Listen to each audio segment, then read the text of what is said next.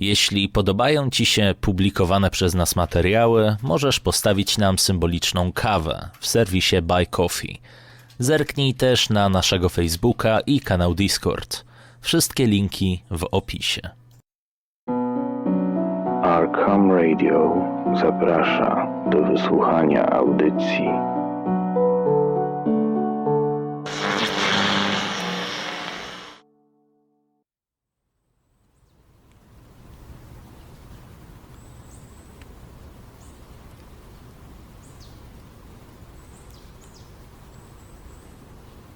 Pamiętam, że tamtego październikowego dnia była piękna pogoda. Kiedy ostatnie promienie słońca dotknęły połyskującego miedzią dachu szpitala, przeszedł mnie zimny dreszcz. Obserwując widok ze szpitalnej wieżyczki, w której znajdował się pokój mojej podopiecznej, można by pomyśleć, że szpital płonie. Czerwone światło zachodu stwarzało w miarę wiarygodną iluzję, która przypominała o wydarzeniach sprzed prawie stu lat. Wtedy to szpital i kilka okolicznych budynków spłonęło w wielkim pożarze, który, jak mówiła stara pani Dawkins, zapruszył celowo wariat i kanibal, mieszkający wówczas nad jeziorem. Miejscowi wołali na niego brudny Peter. Gdy odkryto podpalenie, a kilka dni później również jego nawyki kulinarne, mężczyźni z miasteczka zatłukli go kijami na leśnej drodze, która teraz nosi nazwę Peters End. Potem utopili jego zwłoki. Było to w 1835 roku. Pani Dawkins zwykła mawiać, że tamten rok obfitował w wariatów, bo wtedy też szalony tapeciarz nazwiskiem Lawrence dokonał próby zamachu na prezydenta i to w samym Kapitolu. Ponoć takie pomysły wzięły mu się w głowie od wdychania kleju do tapet. Wiele takich opowiastek miała ta starsza, miła pani. Chętnie się nimi dzieliła, a ja chętnie słuchałam. Odwróciłam się od okna, gdy usłyszałam skrzypnięcie drzwi. Do pokoju wszedł niespełna piętnastoletni wyrostek o piekowatej twarzy, trzymając miednicę pełną parującej wody. Skinął mi przyjaźnie głową. Połóż na tamtym zydlu, Marw. Dziękuję. Chłopak ostrożnie postawił miskę obok łóżka mojej pacjentki. Kiedy się wyprostował, uśmiechnął się i wykonał dłonią gest, który, jak zdążyłam się nauczyć, oznaczał nie ma za co. Kiedy wyszedł, stanęłam przy Beth Larson i odgarnęłam ciemny kosmyk z jej czoła. Przymknięte oczy nie poruszyły się i tylko jedno rebelianckie ścięgno poruszyło delikatnie płatkiem jej nosa. W szpitalu mówiono na nią śpiąca królewna, choć Beth przecież nie była w śpiączce. Cierpiała na długotrwałą katatonię, której głównymi objawami była niemal nieustanna katalepsja i notoryczne wpadanie w stupor. W prostszych słowach oznaczało to, że Bev całe dnie spędzała patrząc przed siebie, prawie w ogóle nie zmieniając pozycji z własnej woli.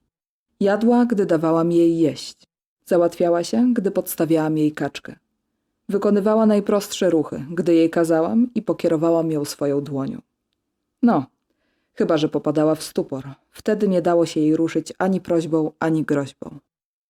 Włożyłam okrągłą gąbkę do miednicy i zaczęłam rozbierać dziewczynę, z którą lata temu biegałam po łąkach nad brzegiem rzeki Missisqua. Była wtedy taka żywa i energiczna.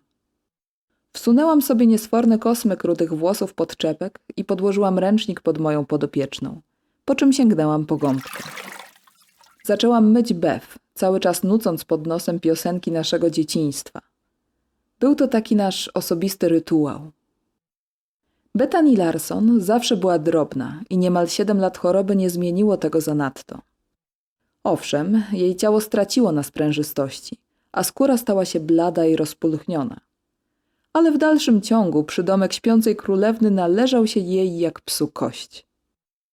Miała przyjemną twarz, okoloną ciemnymi włosami i ładny, choć spiczasty nosek. Wielu chłopców podkochiwało się w nas obu, gdy włóczyłyśmy się jako nastolatki po Słonton i okolicach. Podczas potańcówek w domu pioniera zawsze ustawiały się do nas kolejki mniej lub bardziej przystojnych adoratorów. Chętnych, by na parkiecie, niby to przypadkiem, położyć dłoń w nieodpowiednim miejscu. Bew na ich nieszczęście niezbyt lubiła taniec i dawała się wciągnąć między tańczących maksymalnie dwa lub trzy razy w ciągu zabawy. Ja o wiele częściej wychodziłam na parkiet, ale na omsknięcie się dłoni w tańcu pozwalałam tylko jednemu partnerowi. Timothy był starszym bratem Beth I być może dlatego właśnie jemu, jednemu z wszystkich tych chłopców, ufałam bez zastrzeżeń. Wiedziałam też, że on ufał mnie. Teraz po latach nie mogę się nadziwić, jak wielką gorycz może to sprowadzić na człowieka. Odłożyłam gąbkę do miednicy i zaczęłam osuszać ciało Bef ręcznikiem. Ostrożnie zbadałam trzy pieprzyki, które kilka miesięcy temu pojawiły się kilka centymetrów ponad jej pępkiem, aby upewnić się, że nie rosną. Doktor Jacoby chciał się upewnić, że to nie czerniak. Już kończymy, kochana. Teraz tylko ubierzemy cię w koszulę nocną i szlafrok. Pani Dawkins uprała ten w kwiaty, który tak bardzo lubisz. Może podniesiesz troszkę ręce, żebym łatwiej mogła to na ciebie włożyć? Spróbowałam szczęścia, ale moja podopieczna nie zareagowała nawet drgnieniem powieki. Sięgnęłam po kwiecisty szlafrok i zamarłam.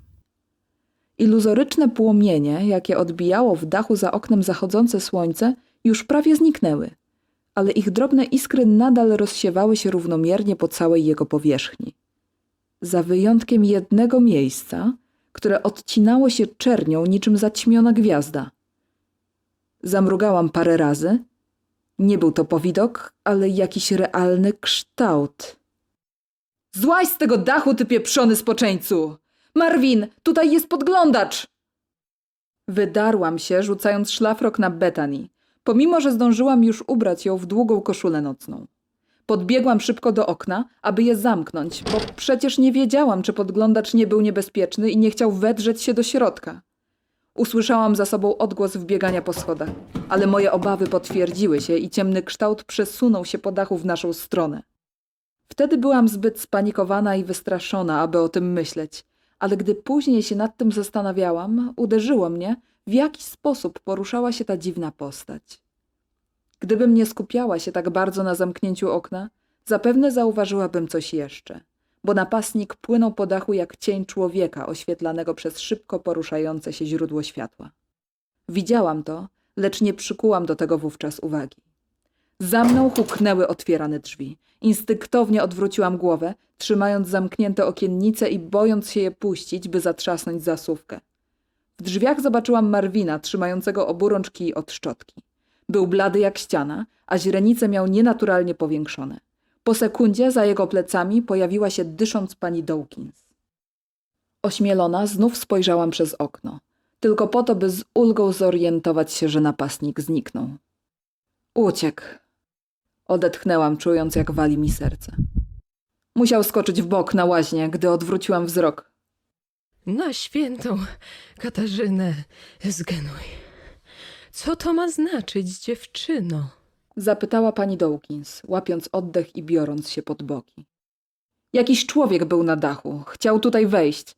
Marw go chyba przestraszył. Był tuż przy oknie. Święty wicie, naprawdę takie rzeczy. Ja go nie widziałam, ale byłam parę kroków za chłopakiem. Starsza pielęgniarka położyła dłoń na ramieniu wyrostka. Marvin, chyba uratowałeś pannę Gilmore. Ejże chłopcze, na świętego Pankracego, ależ go zamurowało.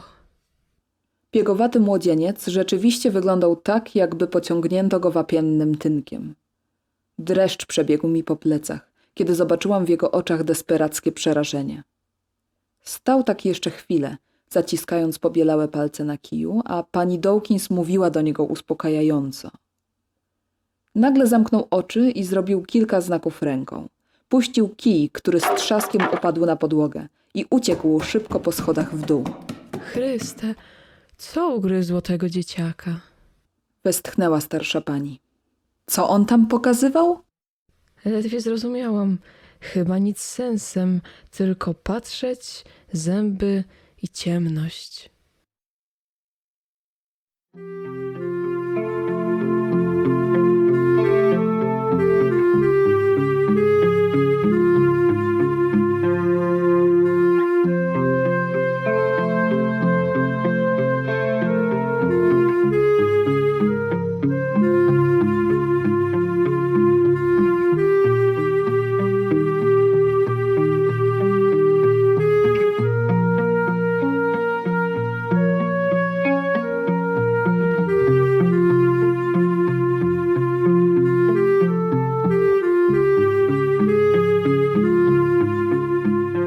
Tygodnia chodziłam po miasteczku niczym zwierzę, które przekrada się między drzewami na wskroś myśliwskiej obławy.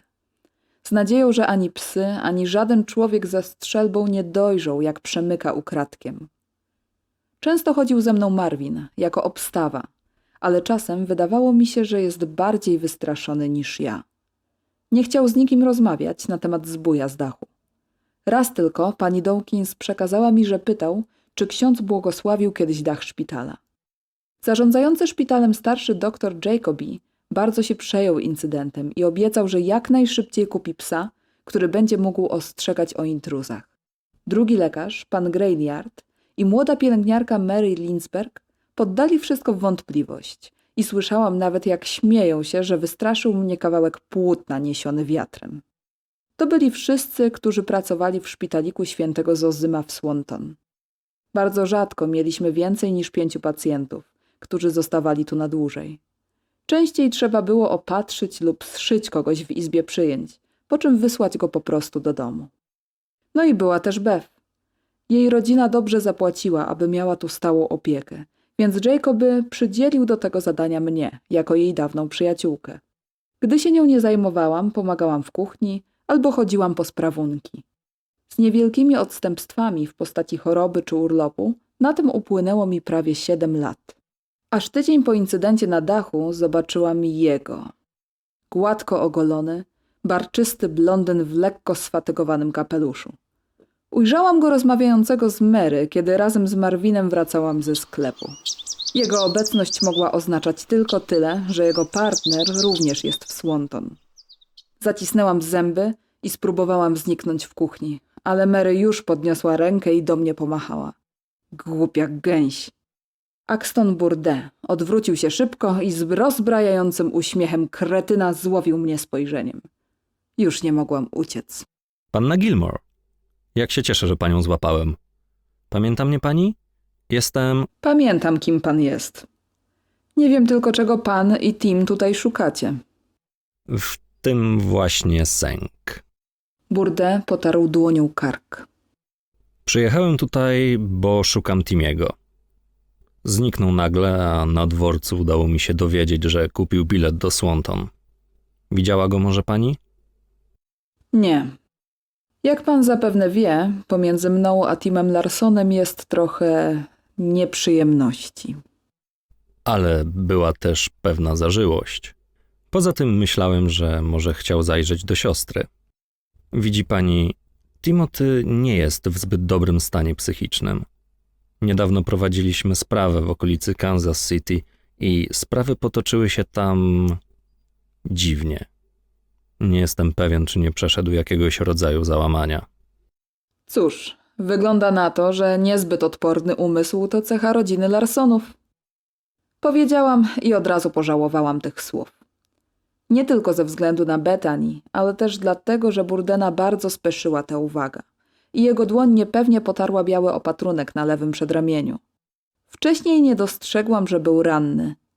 Widocznie sprawa w okolicy Kansas była nie tylko dziwna, ale i niebezpieczna. Axton Burde westchnął i rozejrzał się niepewnie. Pani na nim zależało. Może nadal zależy. On Zawiesił głos, a mnie po plecach przeszły dreszcze. Ten cwany byczek ze środkowych Stanów, który zaprzyjaźnił się z Timem na studiach w Chicago, nigdy nie był skory do zamartwiania się. Nigdy też nie tracił rezonu i nie miewał na twarzy takiego wahania. On włamał się do muzeum w St. Louis. Coś stamtąd ukradł i uciekł. Nawet nic mi nie powiedział. Na miejscu znokautował jednego ochroniarza i niegroźnie postrzelił drugiego. Uniosłam dłoń do rozchylonych z zaskoczenia ust. Tim nie był ideałem, ale nigdy nie zrobiłby czegoś podobnego. Policja nie chciała mi powiedzieć, co zginęło, ale przepytałem pracownika muzeum. Podobno były to jakieś dokumenty, nigdy nie wystawione, książki i kilkusetletnie zapiski. Niby nic robiącego wrażenie, ale facet mówi, że to białe kruki, więc wartość może iść w kilka tysięcy dolarów. Zmroziło mnie zupełnie, bo nigdy nie przypuszczałabym, aby Tim mógł zrobić coś podobnego. Stałam przez chwilę, patrząc w oczy Burdena i niedowierzając. Potem wydusiłam. Wejdzie pan do środka. Napijmy się herbaty.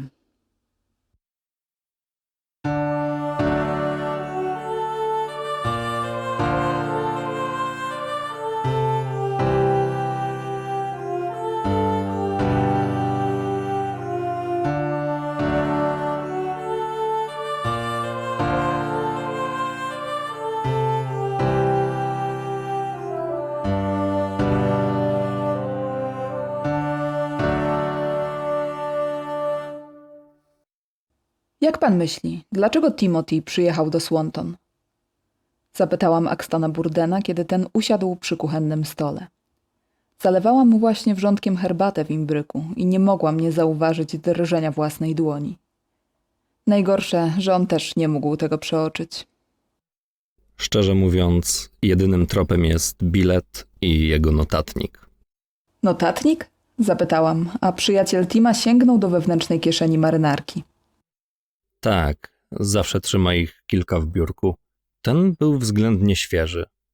Tim zapisał w nim raptem kilka stron, po czym wyrwał te strony i wyjechał. Ale na kartce został ślad, który zdołałem częściowo odczytać po zacieniowaniu ołówkiem. Większość pozostała nieczytelna, ale pojedyncze słowa się zachowały. Ether's End w stronę jeziora. Dalej nieczytelne. Gdy Beth miała 18, zakładam, że dalej miało być lat, potem znów nieczytelne. I dzienniki G. Hazelharsta są nie, tutaj zamazana końcówka, choć podejrzewam niedokładne. Czy coś pani to mówi, panno Gilmore? To na początku to pewnie Peters End, czyli ścieżka prowadząca nad jezioro. Zawsze to jakiś trop. Jak tam dojść? Jest dość długa, bo wije się przez las, a zaczyna się za gospodarstwem Lowbotlów. W sumie mogłabym panu pokazać. Czułam w brzuchu nieprzyjemne uczucie. Tak naprawdę nie chciałam z nim iść, ale coś mi mówiło, że powinnam. W końcu chodziło o Timotiego. Wpis w dzienniku jasno nawiązywał do tamtego feralnego dnia w lipcu 1925 roku, kiedy do osiemnastych urodzin Bethany pozostał niecały miesiąc. Ja byłam od niej ponad pół roku starsza, ale nawet na własne urodziny nie cieszyłam się tak bardzo jak na jej święto. Bogaty pan Larson organizował huczną imprezę w domu pioniera i na przyległej do niego łące, aby uczcić wejście córki w dorosłość. Timothy, który miał już wówczas 24 lata, zaprosił mnie jako swoją osobę towarzyszącą. Robiliśmy ku sobie podchody od zeszłego lata i w moim umyśle raz po raz przeskakiwały nieśmiało myśli o śnieżno-białych bilecikach zaproszeniowych, na których złotymi literami wypisano Daphne Gilmore i Timothy C. Larson mają zaszczyt zaprosić Państwa na swój ślub, który odbędzie się i tym podobne bzdety. Tak czy inaczej, tamtego dnia fantazjowałyśmy z Beth na temat sukienek, które ubierzemy na jej urodziny. Był ciepły dzień, więc wygrzewałyśmy się na plaży nad jeziorem, popijając zrobioną przeze mnie lemoniadę. Prawdopodobnie wypiłam jej trochę za dużo, bo musiałam oddalić się w ustronne miejsce. Cóż poradzić, nawet dama czasem ma potrzebę ulżyć pęcherzowi. Gdy wróciłam, Betani już nie było, a krwawa plama na kocu lśniła w blasku słońca. Przeraziłam się rzecz jasna i po kilkunastu sekundach paniki już miałam biec w stronę domu państwa Lowbottle, krzycząc o pomoc, gdy coś mnie powstrzymało. Na okrągłych kamieniach dostrzegłam rozpryśnięte krople krwi. Kawałek dalej kolejne i kolejne.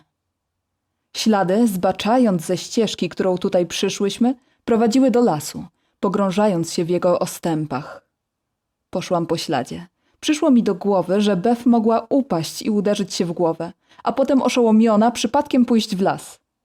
Nie mogła w takim razie zajść za daleko, bo przecież nie zostawiłam jej samej na długo. Beth, gdzie jesteś? Krzyknęłam w nadziei, że się odezwie, ale odpowiedziała mi głucha cisza. Wypatrzyłam ślady krwi na liściach i już miałam po nich iść, kiedy usłyszałam za sobą głosy. Popędziłam z powrotem na ścieżkę i spotkałam tam Tima, Brandona Lowbottle i Matiasa Kery. Trochę wystraszyli się na mój widok, a gdy streściłam im, co się stało, Timothy pobladł i bez dalszych pytań wbiegł pomiędzy krzaki. Razem z pozostałą dwójką pobiegłam za nim. To, co działo się później w lesie pomiędzy rzeką Missisquoi a jeziorem, do tej pory jest dla mnie jak zły sen.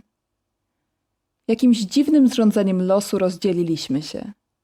Chyba pół godziny błądziłam z żołądkiem ściśniętym ze strachu. Po ocienionych jarach, nim spotkałam chłopaka lowbotlów, który zwichnął nogę przeskakując strumień, po którego drugiej stronie rzekomo jeszcze przed chwilą widział Tima. Usztywniłam Brandonowi kostkę tak, jak potrafiłam i poprowadziłam go w stronę, gdzie, jak sądziłam, powinno być jezioro, bo słońce zaczynało powoli zbliżać się do zachodniego horyzontu. W końcu, gdy niebo zaczynało się już czerwienić, rzeczywiście dotarliśmy nad jego brzeg, a ja kawałek dalej dostrzegłam z ulgą wychodzącego z lasu Timotiego. Niósł Betanii na rękach. Tego dnia wszyscy byliśmy w wielkich emocjach i to doprowadziło do wypowiedzenia słów, które wisiały nad nami przez wszystkie ostatnie lata. Kiedy lekarz zajął się Bev, zauważył, że pogrążyła się ona w całkowitej bierności i nie reaguje na próby wypytania jej o to, co się stało. Z kolei moje wyjaśnienia były zbyt niepełne, by na cokolwiek rzucić światło. Co gorsza, Matias Kerry nie wrócił z nami i miejscowy szeryf po przesłuchaniu nas zarządził nocne poszukiwania chłopaka. Nie odnaleziono nawet jego ciała. Tim miał mi za złe, że zostawiłam Bev samą. Podobno znalazł ją w jakiejś dziurze pod korzeniami starego drzewa, zwiniętą w kłębek i drżącą. Pół miasta obwiniło nas, czyli nierozważnie ganiające się po lasach dzieciaki. O śmierć Kerego, a jego matka dodatkowo uwzięła się właśnie na mnie. Pojawiły się plotki, że specjalnie wyprowadziłam Bev gdzieś do lasu i w jakiś dziwny sposób pozbawiłam ją zmysłów. Tego, co było dalej, usłyszałam dwie wersje. Pierwszą, że specjalnie wywabiłam chłopców do lasu i zabiłam Matiasa, bo nie chciał ze mną zatańczyć na jakiejś zabawie. Oraz drugą, że zrobiliśmy to wspólnie z Timem, bo Matt się do mnie przystawiał, a młody Larson nie mógł tego znieść. Po kilkunastu dniach, gdy Bev się nie poprawiło, Tim wyjechał do Chicago. Nie będę przytaczać dokładnie słów, które wykrzyczeliśmy do siebie, kiedy wsiadał do samochodu. Dość powiedzieć, że już nigdy nie zamieniliśmy ze sobą więcej niż dwóch zdań za jednym razem.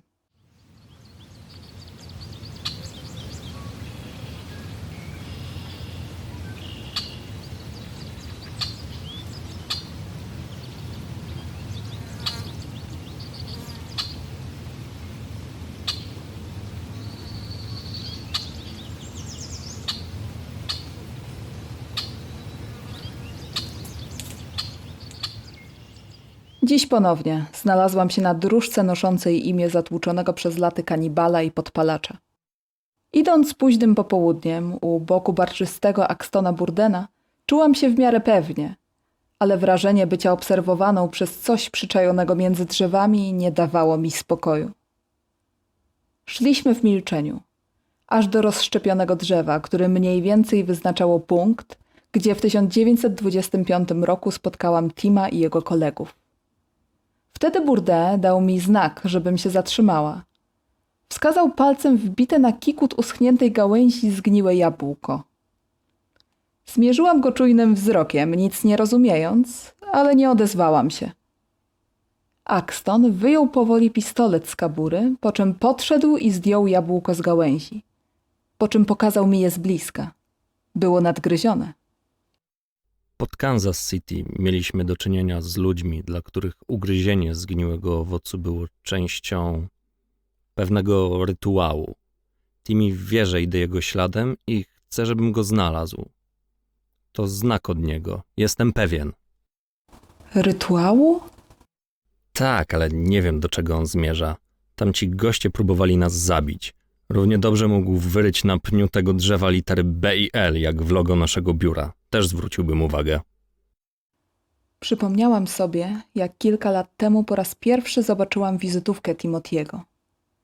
Rzeczywiście były tam B stylizowane na ciemne okulary i L stylizowane na pistolet w dosyć charakterystycznym, niesymetrycznym ułożeniu. Może to jabłko miało nieść dodatkowy przekaz. Na przykład strzeż się. Axton pokiwał ponuro głową i rozejrzał się, po czym potarł w zamyśleniu szczękę i zszedł ze ścieżki. Powoli ruszyłam za nim i w mig zrozumiałam, co przykuło jego uwagę. Na gałęzi drzewa, kilkanaście metrów od ścieżki, w miejscu, które nieuważny przechodzień z łatwością by przeoczył, wisiał ciemnobrązowy męski kapelusz o tasiemce z biało-czerwonej plecionki. To jego kapelusz. Potwierdził mi Axton, gdy spojrzałam na niego pytająco.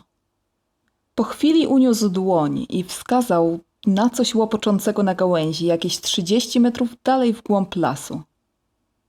Ruszyliśmy tam przez krzaki i po chwili odkryliśmy oddarty od brązowej marynarki rękaw z wyściółką z czerwonego materiału.